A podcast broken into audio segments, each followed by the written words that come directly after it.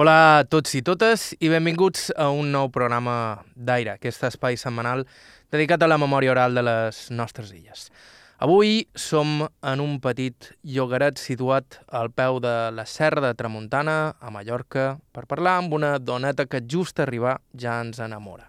Ella es diu Magdalena i acaba de fer 93 anys i fins fa relativament poc encara sortia que s'ha enfilats pels colls d'aquelles muntanyes.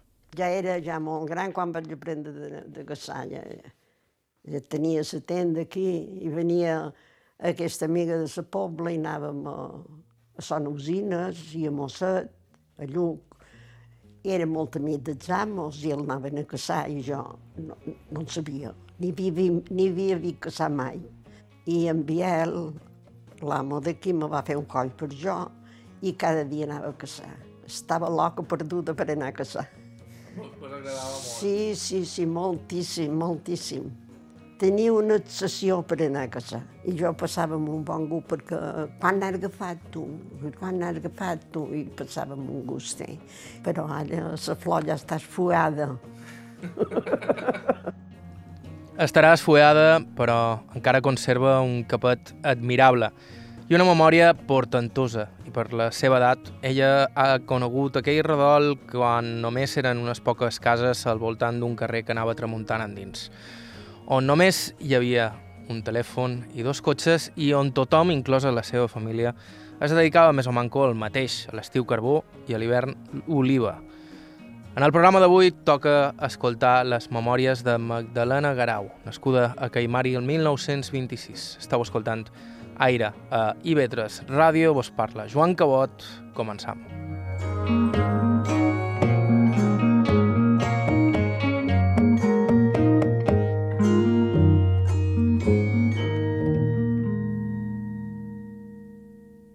I començam asseguts a la saleta de Cana Magdalena, que arranca presentant-se i parlant-me de la seva família. Magdalena Garau Gelabert. Jo vaig néixer dia 13 d'octubre de l'any 26. En què se dedicaven els teus pares? A fer carbó i a collir oliva. Si era lo típic de Caimari. Els homes feien carbó i cuien oliva i això. Hi havia molt de ranxos per aquí. Sí, bastants. Però nosaltres no les fèiem en el terme de Berequí. Les fèiem en el terme de, de la, no sé si perteneixia a l'Aró o si perteneixia a Escorca, no, a Bunyola pot ser. Jo crec que era en el terme de l'Aró perquè estava el més a prop i prop d'Orient. I eren molts que nostre, eren set. Tenia dues germanes i un germà majors que jo, i dues germanes i un germà menys que jo. Jo estava al mig. Eren set, jo estava al mig de tots. I no hi havia molta d'abundància de les coses. Però teníem un pare i una mare que ens tractaven molt bé. Vivíem per nosaltres. I nosaltres érem molt obedients, però mai, mai mos varen pegar. Però castiguen molt, sí. Però pegar mai. Si feien qualque cosa que no l'havien de fer, jo era un poc traviesa i a vegades me castigaven. I mon pare un dia me va dir, te penjaré en el fum. I jo vaig, dir, vaig pensar, vaig dir, com m'ha de penjar en el fum, mon pare? Com me va penjar en el fum? I fum no té res per enganxar.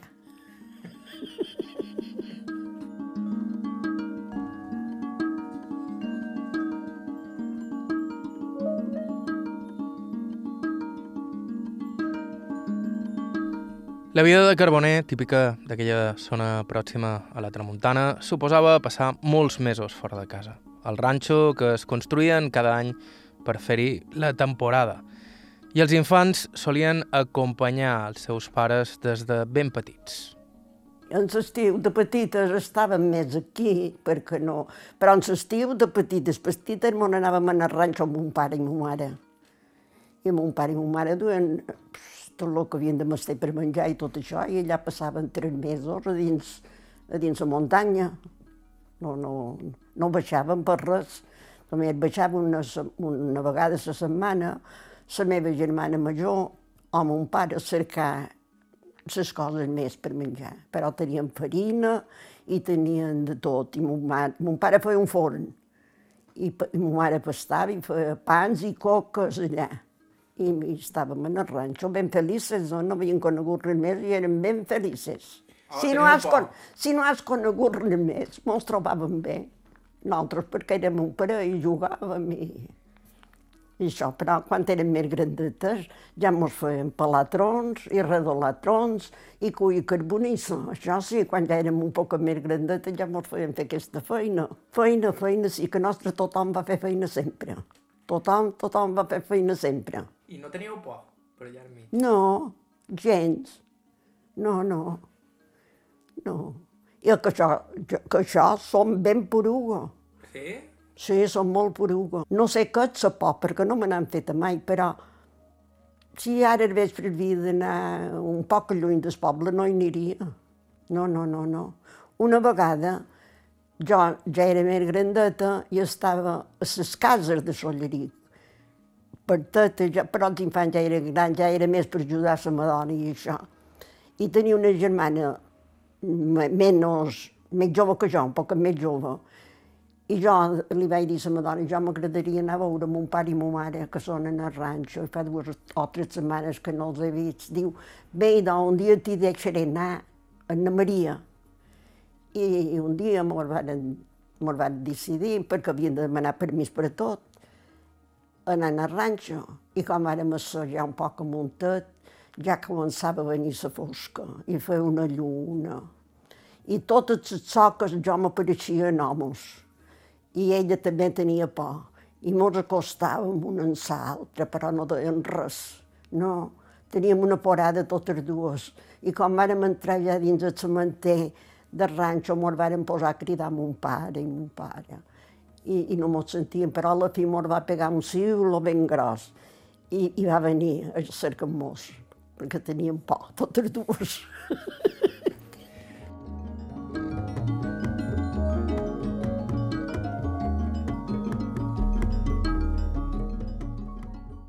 I a escola hi vareu anar?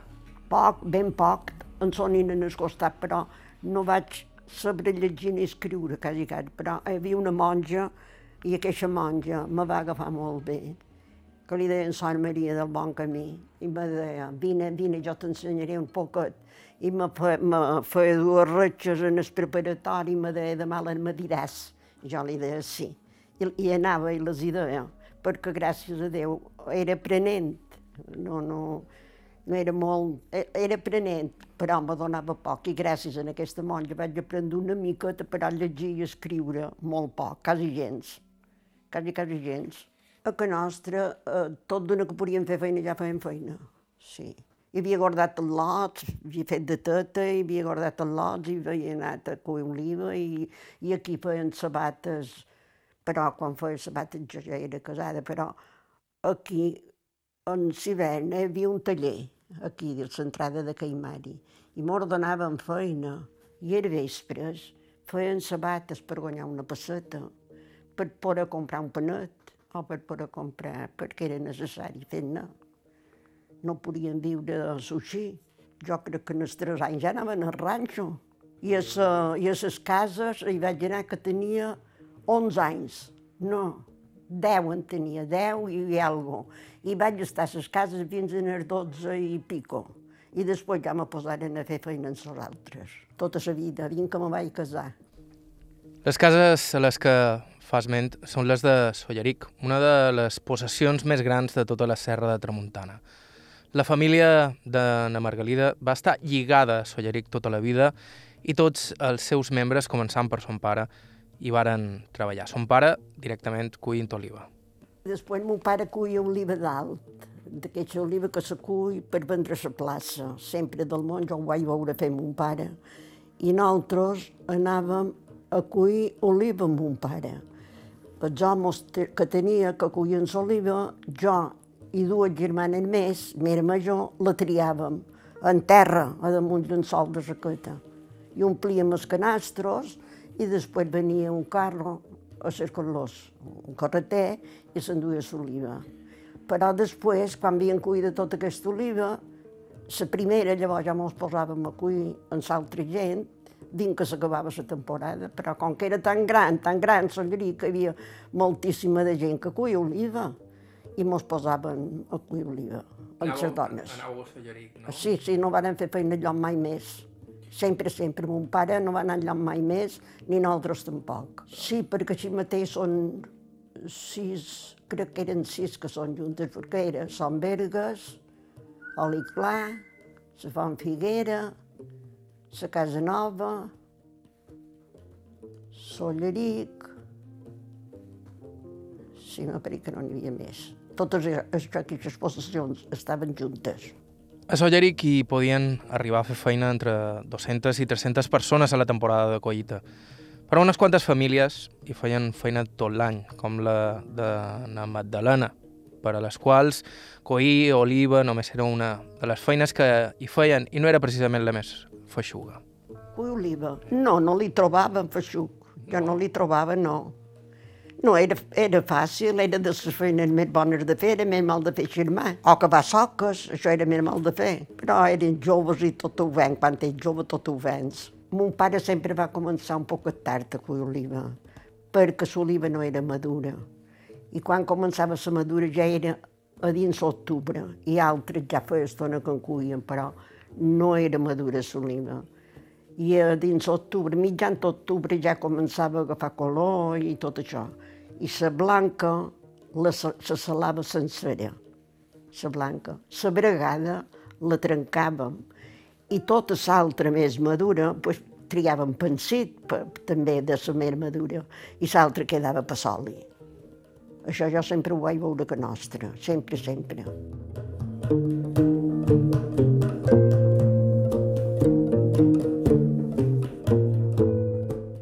Allà teníem unes casetes molt, molt ben arreglades. Ja li he dit que teníem un quart de bany, només hi havia una banyera, però hi havia per almenys quatre lavabos, quatre miralls, i una habitació més petita i una molt gran, i allà cadascú tenia el seu llit com si fos un corder. Sí, de tot hi havia una bona tafona, i llavors també segàvem colònia, per, per dret Sant Pere la segàvem, que se sàlvia una, i era, feia sola un poc dolenta. Una germana meva no em podia segar perquè li feia molt assumpte, però en, segàvem una altra, que era la banda, i em van segar moltíssim d'anys, i llavors duguérem a Xurrigo. Nosaltres sembràvem les estaquetes i fèiem planter d'aquestes estaquetes. I les duíem a sembrar a Xurrigo i també anàvem a segar a Xurrigo, perquè a Xurrigo n'hi havia molta, també no sé si encara n'hi ha o no. Nosaltres aquí a Sollerí la tenien sembrada en el coll d'Orient. Hi havia unes tanques molt grans, molt grans, i ses eren molt grosses ja les mates, molt grosses, per fer colònia. I la feien allà mateix. I quan feien la colònia, jo un dia li vaig dir a l'amo, i com és que tanta de colònia només surt a, a, aquest pot, que era un pot a suixer. I ell me va dir, diu, ah, perquè això és l'estrat, l'estrat de la de la planta. Diu, doncs pues d'això, em fa molt de litros va, me va apuntar això. Era preguntadora, ara no ho són gens. I llavors sí m'agradava saber les coses.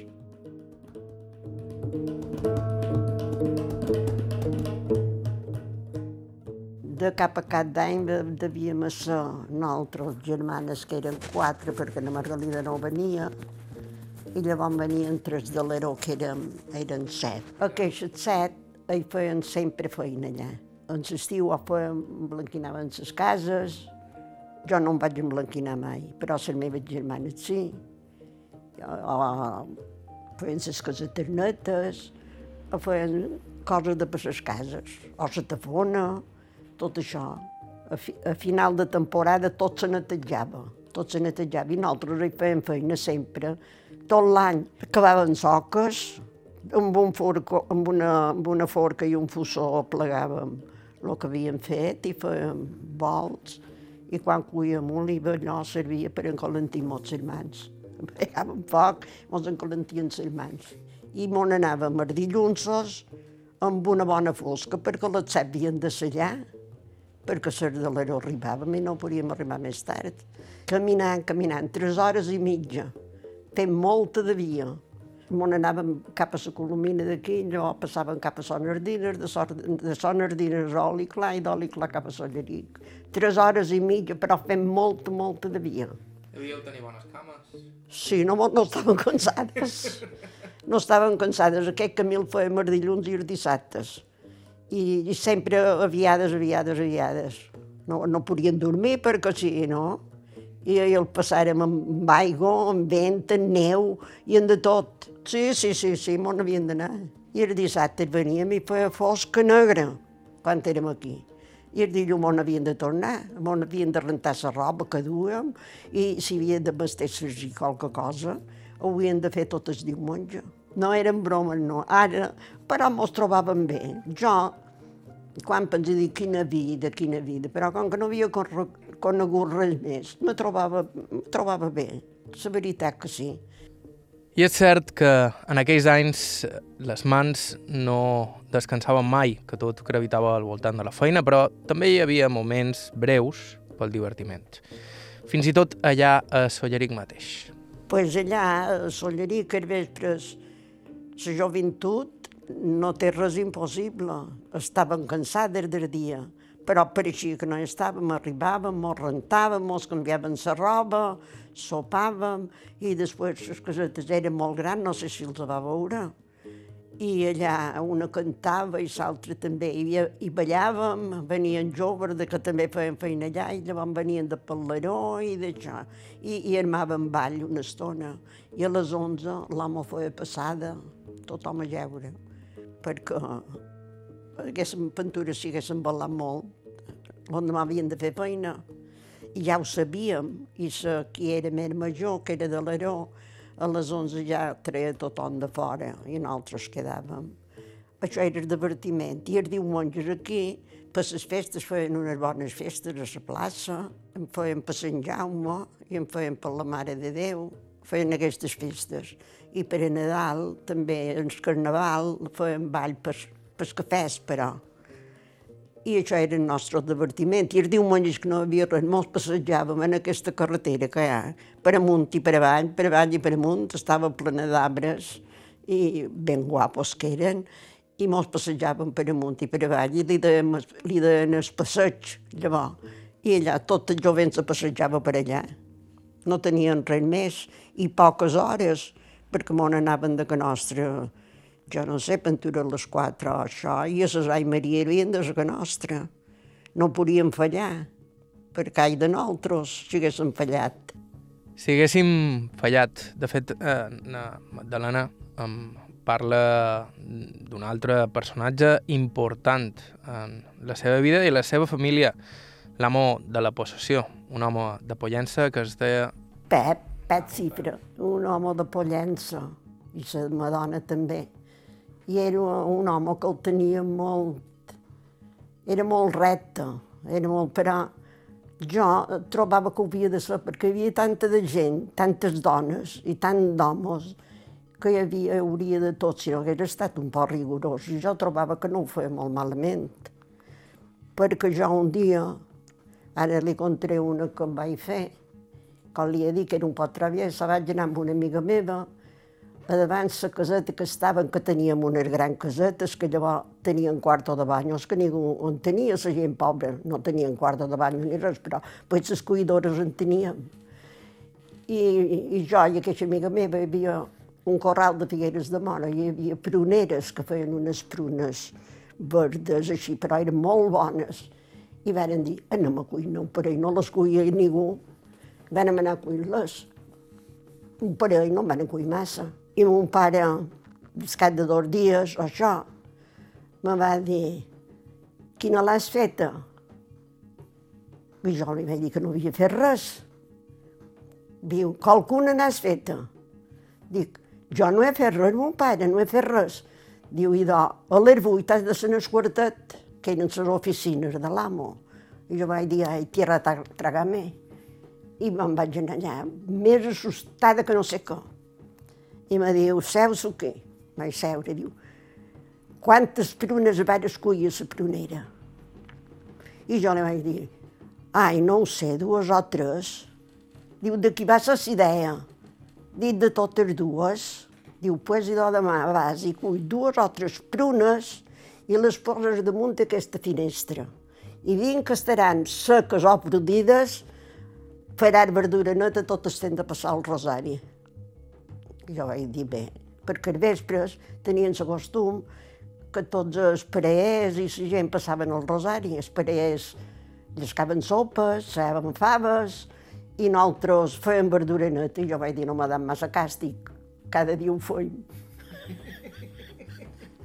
I, I això me va passar, perquè era molt recte, veure si feies qualque cosa havies d'estar molt alerta, perquè era un poc, un poc massa. Pues havia de ser perquè en tanta gent que hi havia s'haguessin rigut d'ell, i així ho duia tot en borda. Però per nosaltres va ser com un pare, perquè quan se va morir mon pare, no va poder venir al funeral, va venir la dona. Però un dia va venir aquí, aquí, Varen cridar tots els meus germans i mos va fer un bon sermó. Mos va dir, sempre, sempre als Estats Units. I no voldria mai que vos tinguéssiu una paraula. I si teniu qualque cosa que vos faci falta, que hagueu de menester, aquí vos ha quedat un altre pare. Aquí vos ha quedat un altre pare. Jo seré un altre pare per vosaltres. I voldria que sempre visquéssiu així com heu viscut. Això era l'amo de Solleric. No era tan dolent com diuen, no ho trobau. I l'era tothom el coneix. Si va per allà i parlen d'ell, li diran el que jo li he dit. Creu que... Sí, però jo, jo ni ningú de que nostre se pot queixar d'ell. No, perquè si fèiem un, un qualque cosa i mos castigava, no era per, per mal, era per corregir-nos. I jo una vegada li vaig dir, no sé per què sempre m'ho de dir això. Diu, perquè jo, com que havia estat amb ells, diu, no t'ho dic per fer-te mal, t'ho dic perquè te vull bé. Això era la seva paraula. Era Magdalena Garau, nascuda a Caimari l'any 1926, és a dir, 93 anys just fets fa unes setmanes. Estau escoltant Aire a IB3 Ràdio, feim una breu pausa i continuem.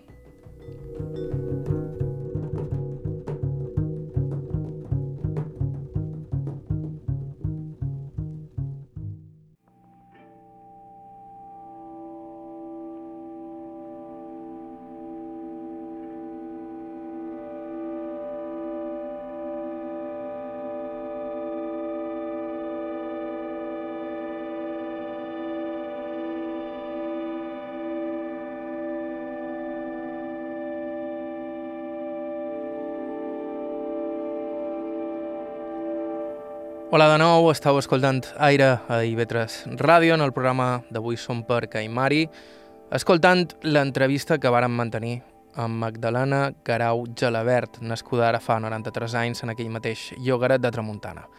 Com tota la seva família, la Magdalena va fer feina de gairebé de tot, però sobretot a les cases de Solleric i recollint-hi oliva, unes feines que va començar a fer ja de nina, una infància que, a més, havent nascut el 1926, va coincidir de ple amb la Guerra Civil.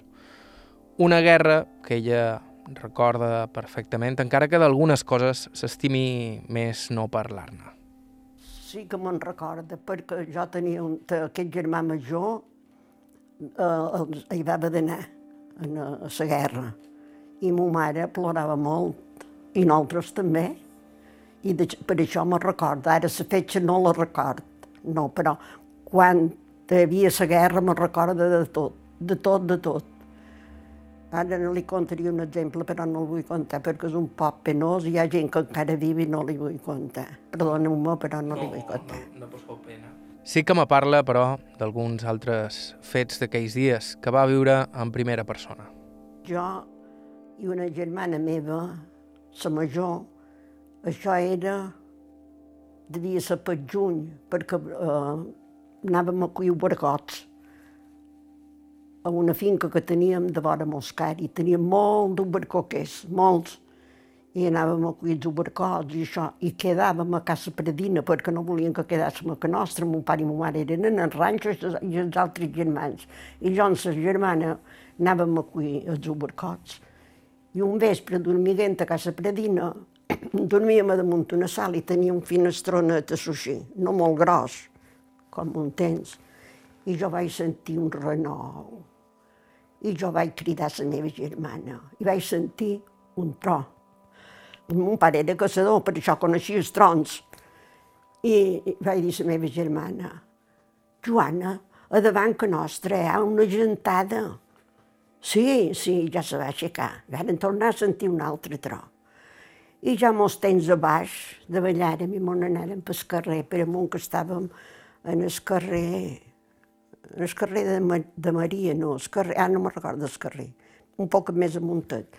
I varen pujar a la carretera i ja varen trobar una tia nostra que pujava i a dalt varen trobar molta de gent.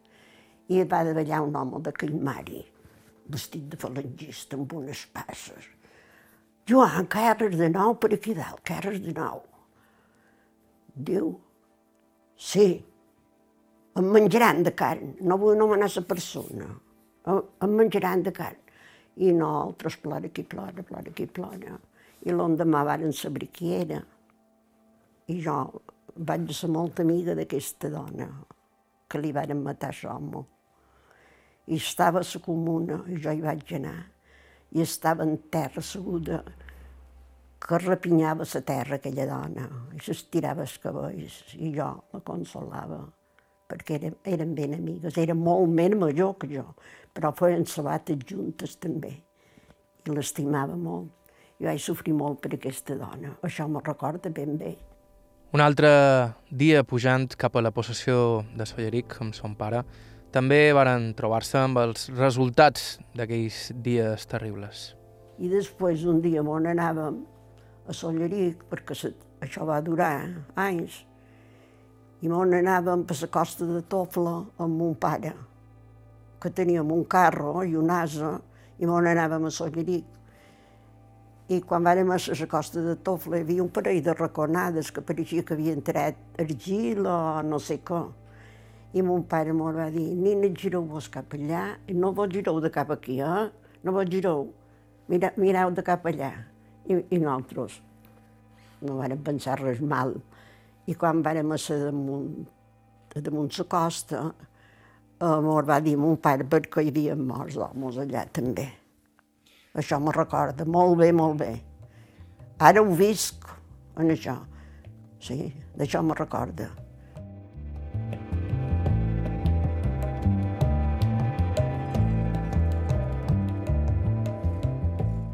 I el germà va venir quan se va acabar la guerra.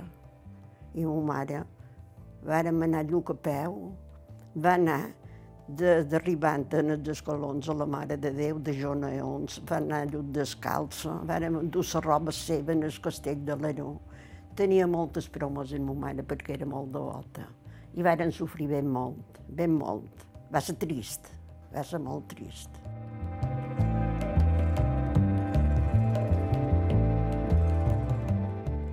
Tot el temps de la guerra, tot el temps, tot el temps. Vint que se va acabar no va venir. I va venir ben malaltet. Li va costar recuperar-se. No sé, va venir descolorit, com a groc, i no sé, i jo, jo no sé explicar molt bé el que va tenir, però sé que el varen donar metges i tot això, i... però no va venir gent bo.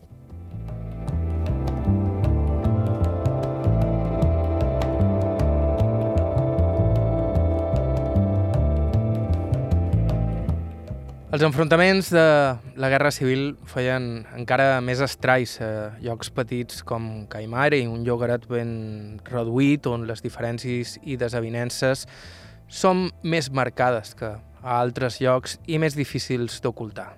Aquí, a Caimari era un poble, jo me'n recordo quan jo era jovenet i tot això, hi havia per aventura, jo que sé, set o vuit o deu cases que eren més riques i eren més, pareixia que l'altra gent no era res. Eh, eren quatre caciques que, que, que feien, no sé, si feien una cosa o l'altra, sempre se superaven davant l'altra gent i tot això. I l'altra gent sempre pareixia pobra. Això ha estat aquell mari. I així tot, na Magdalena recorda el poble de la seva infància com un lloc idíl·lic, un lloc on tothom es donava un cop de mà i la gent s'ajuntava cada vespre per jugar a cartes i passar l'estona. Era més agradós que ara, molt més. La gent era més familiar. Eh, jo me recordo que estava, jo estava a la segona casa de les darreres, que va ser que nostra, i tot allò estava ple de gent. I, i mos ajuntàvem molt, tots aquell veïnat venien a que nostra, jugaven a cartes amb ma mare, i, i no sé, una veïnada, ma mare anava a fer feina, i venia a dir, Madalena, no facis dinar perquè jo he fet això, t'enduré. I, I ma mare, ah, sí, doncs, mo, Margalida, que estic ben contenta, d'humor i sempre m'ho van fer molt en tots els veïnats i tot això, i ara això no és a Caimari. Ara la gent se mira com una altra manera. Era un poble molt, molt, molt unit. Totes les festes se feien, però perfectes. Ja sigui l'església, ja no fos l'església. I ara no, no fan res. No fa res. No sé, no, la gent no és igual, no és com era. Jo trobo que no és com era, ni de molt Llavors hi havia més unió, més... No sé, trobo que ha canviat molt, molt. Sortien després de sopat a la fresca, en l'estiu, en aquesta casa d'aquí davant també, aquesta també, aquest d'aquí també, tots sortíem i xerràvem i, i d'un en l'altre i passàvem unes bones balades. I ara en venir la fosca no importa que treguis el cap, que no vols una casa oberta. Això és un canvi molt gros per una persona que ha viscut això altre. Però de canvis, na Magdalena n'ha viscut molts i de molt grans. Per començar, ella recorda perfectament els anys en què només hi havia un telèfon en tot el poble, també quan només hi havia dos cotxos, o l'arribada de la primera tele a Caimari, que precisament va ser la seva. Aquí només hi havia un telèfon en el poble. Estava a la plaça. I hi havia una dona i si li feien recados havia d'anar a Digaró o si tu volies telefonar, havies d'anar en aquesta casa que està a la plaça. Aquí, el primer cotxe que hi va a Caimari va ser en aquesta casa. Que hi havia un home que era tio del meu home, que li deien el tio Simonet, va ser el primer que va tenir que va a Caimari. I duia la gent a Inca. Era un cotxe, ja, no, l'he de tenir en foto, però un cotxe com, com, com una furgoneta, per dir no, no era una cosa molt guapa. I s'enduia la gent. Llavors n'hi va haver un altre, que era de Menescal, que Menescal el va tenir, Varen els primers cotxes que hi va haver Caimari, i, i l'altre ja no me recorda quin. Però d'aquest de Menescal me recorda molt bé perquè jo havia vengut a sa, a sa, aquí i el nin va sortir del portal i escapar cap a la cotxeria i aquest cotxe pujava en un escal i duien parafangos i en el parafango va tirar la paret. Eh, va quedar, i el nin va quedar inconscient i jo un bon susto com no van endur i ell va estar molt preocupat, i, però va anar bé i no, no va passar res. I ara l'altre dia encara vaig, ten, vaig trobar un bolígrafo que li va dur i tenia tots els colors. I encara que estigui secat, el guarda en aquest bolígrafo, no sé on el vaig posar, però guarda aquest bolígrafo que li va dur aquest home. Era l'únic senyor que teníem a Caimari, perquè de Caceró jo ja no els he coneguts. I, i el Menescal era l'únic.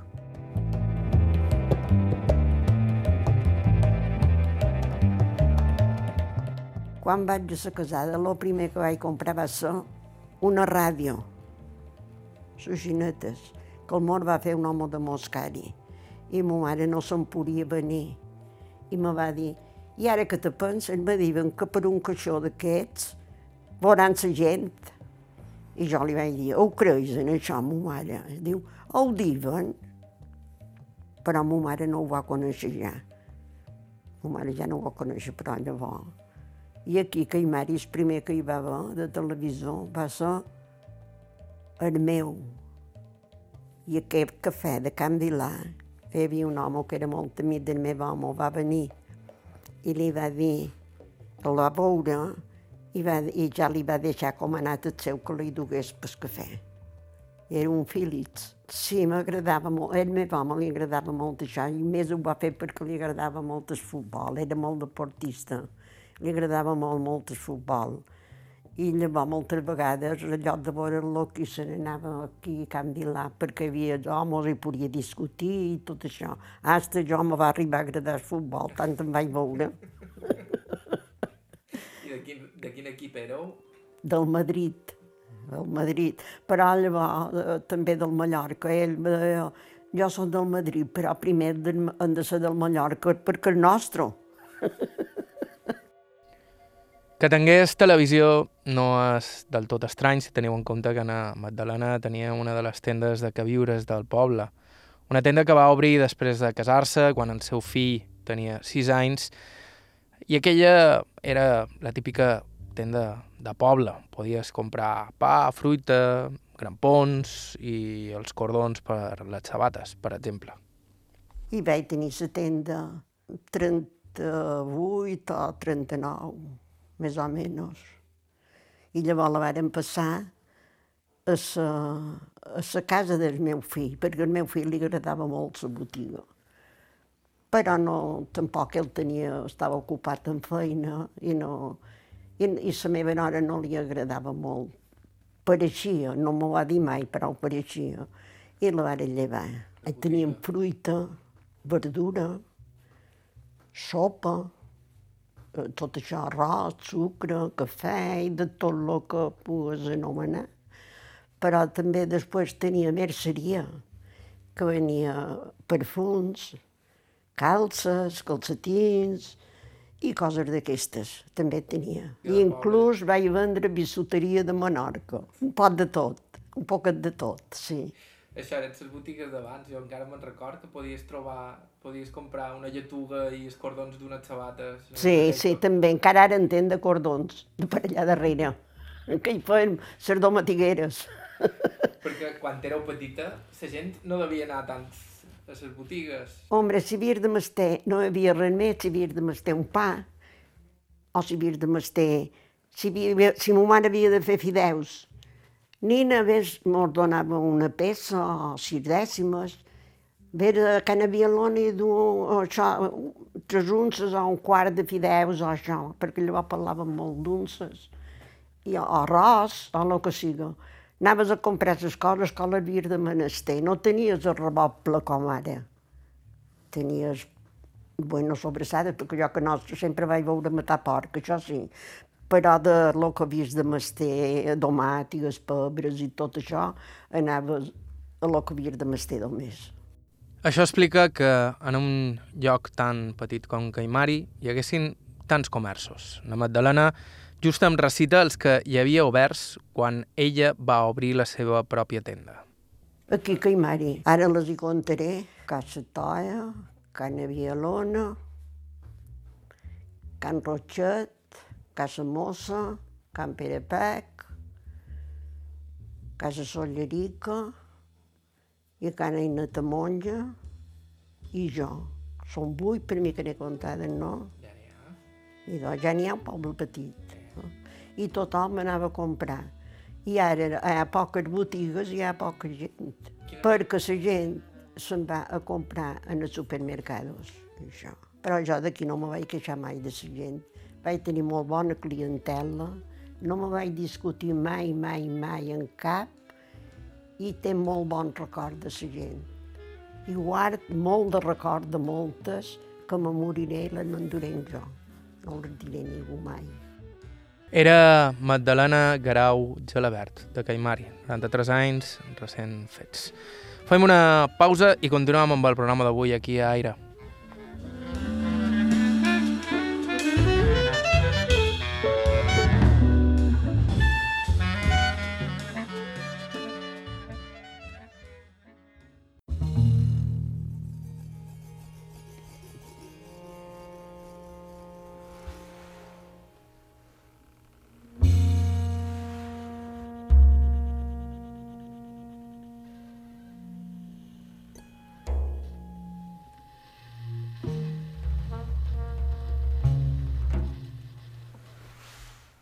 Hola de nou, estàu escoltant IB3 Ràdio, això és Aire, un programa setmanal dedicat a la memòria oral de les nostres illes. I abans de continuar, aprofitant per recordar-vos que sempre estem cercant testimonis, gent major d'arreu de les illes que tingui coses que contar, i la majoria d'ells tenen moltes coses que contar.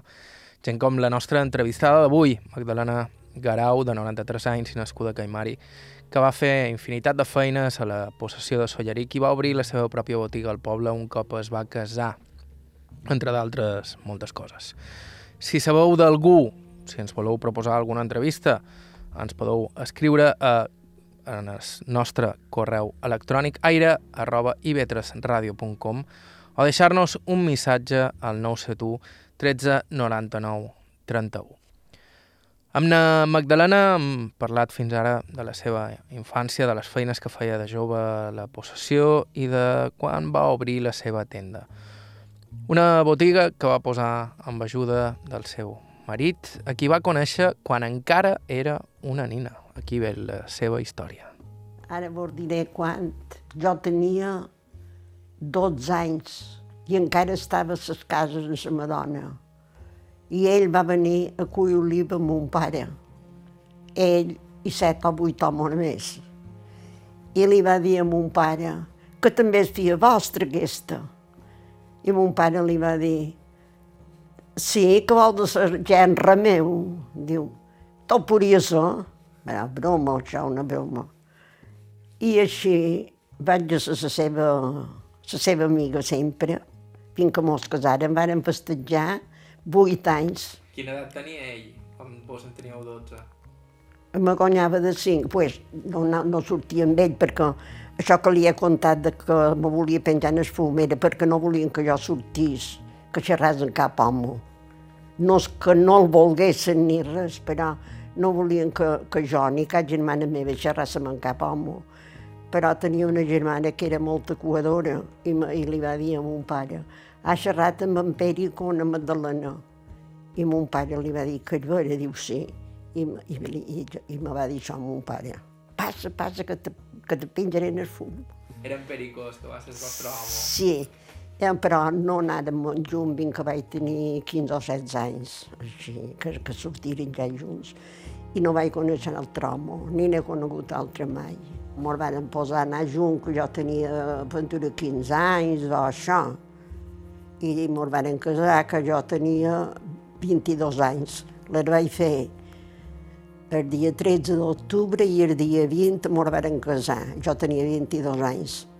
I llavors vaig tenir el meu fill, que només en tenc un, el dia de Sant Jaume.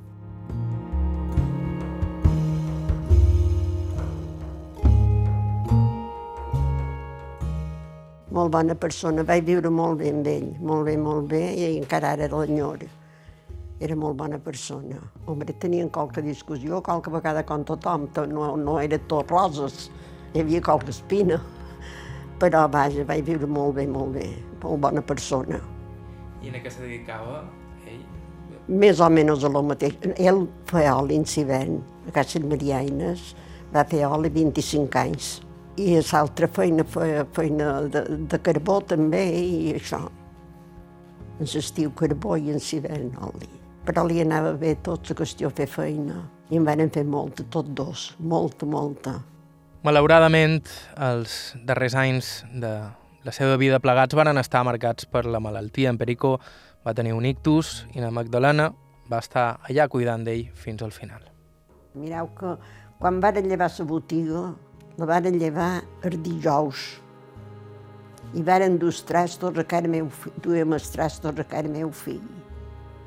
I aquest mateix dijous, el meu home va, li va, va tenir un ictus es va quedar molt malament i va viure de 8 anys molt malament. Els darrers estava més bé perquè se podia defensar un, un poquet, però vaig passar de 8 anys molt dolents. Però no vaig voler que ningú mai m'ajudés, perquè el meu fill me'l donaria tot, i la meva nora també.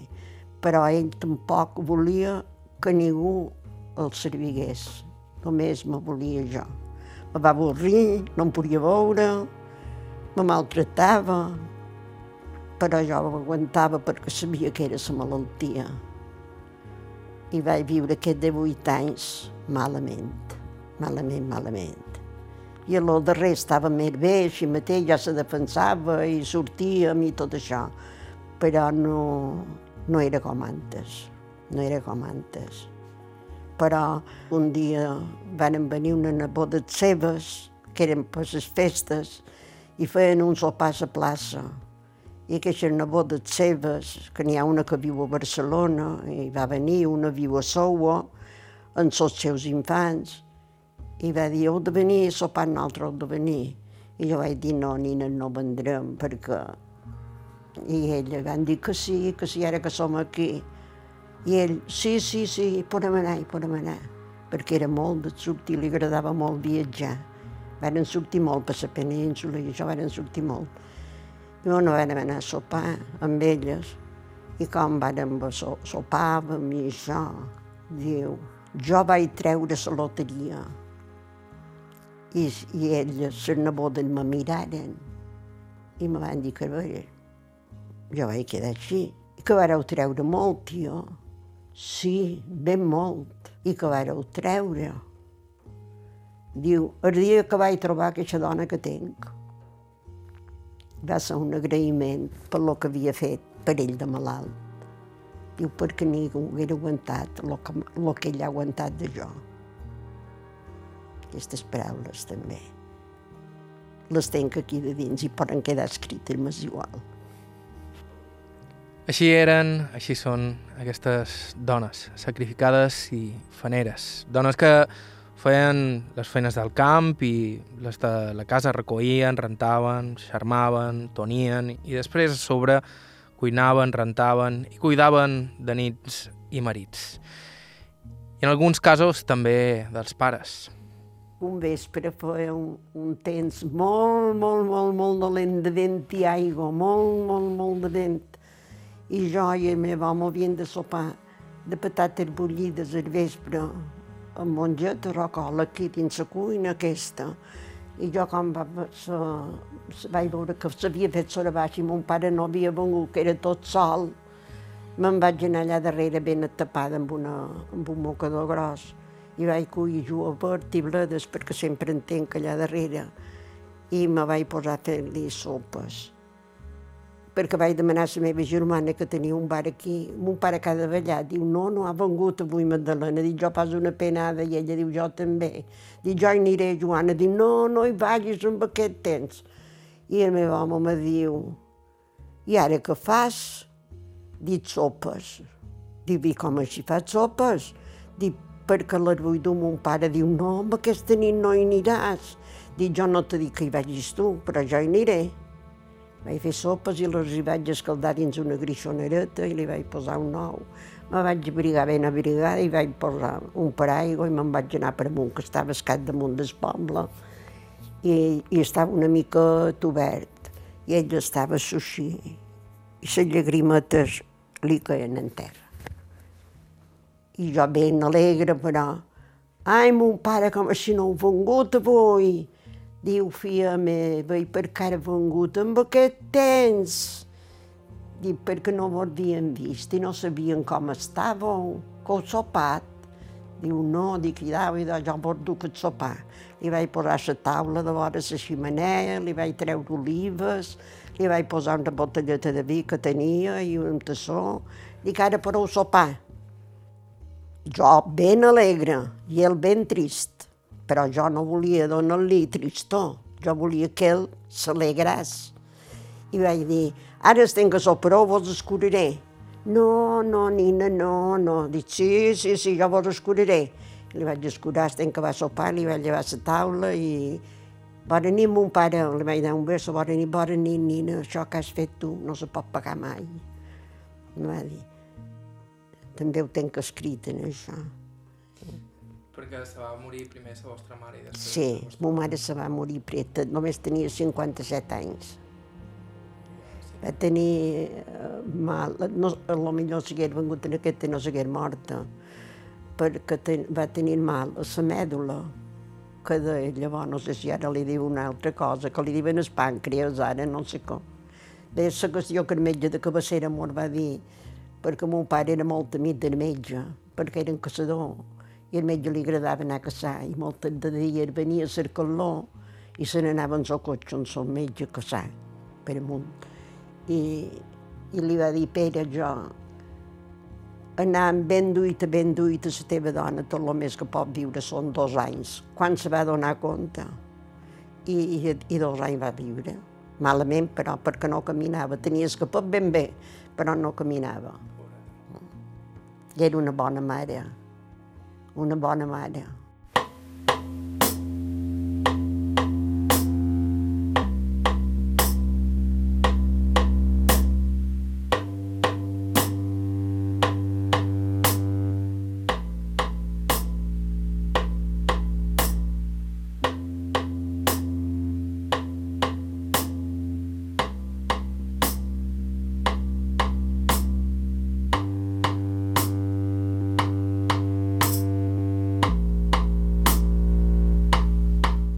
Fins aquí el programa d'avui. Gràcies a Ana Magdalena Garau pel seu temps i amabilitat i també gràcies a Maria José de Prada, que va ser qui ens la va presentar. Però recordam que si ens voleu proposar alguna entrevista ho podeu fer enviant-nos un correu a aire.ivetresradio.com o deixant-nos un missatge al 971 13 99 31 971 13 99 31. També ens podeu seguir a Facebook i Instagram i si vos voleu subscriure al podcast del programa ens trobareu als serveis habituals, Apple Podcast, eh, Google Podcast, etc etc. L'arxiu complet del programa el teniu a ivetresalacarta.com. Bàrbara Ferrer la producció executiva, Miqui Fiola la producció tècnica, us ha parlat Joan Cabot. Fins la setmana que ve.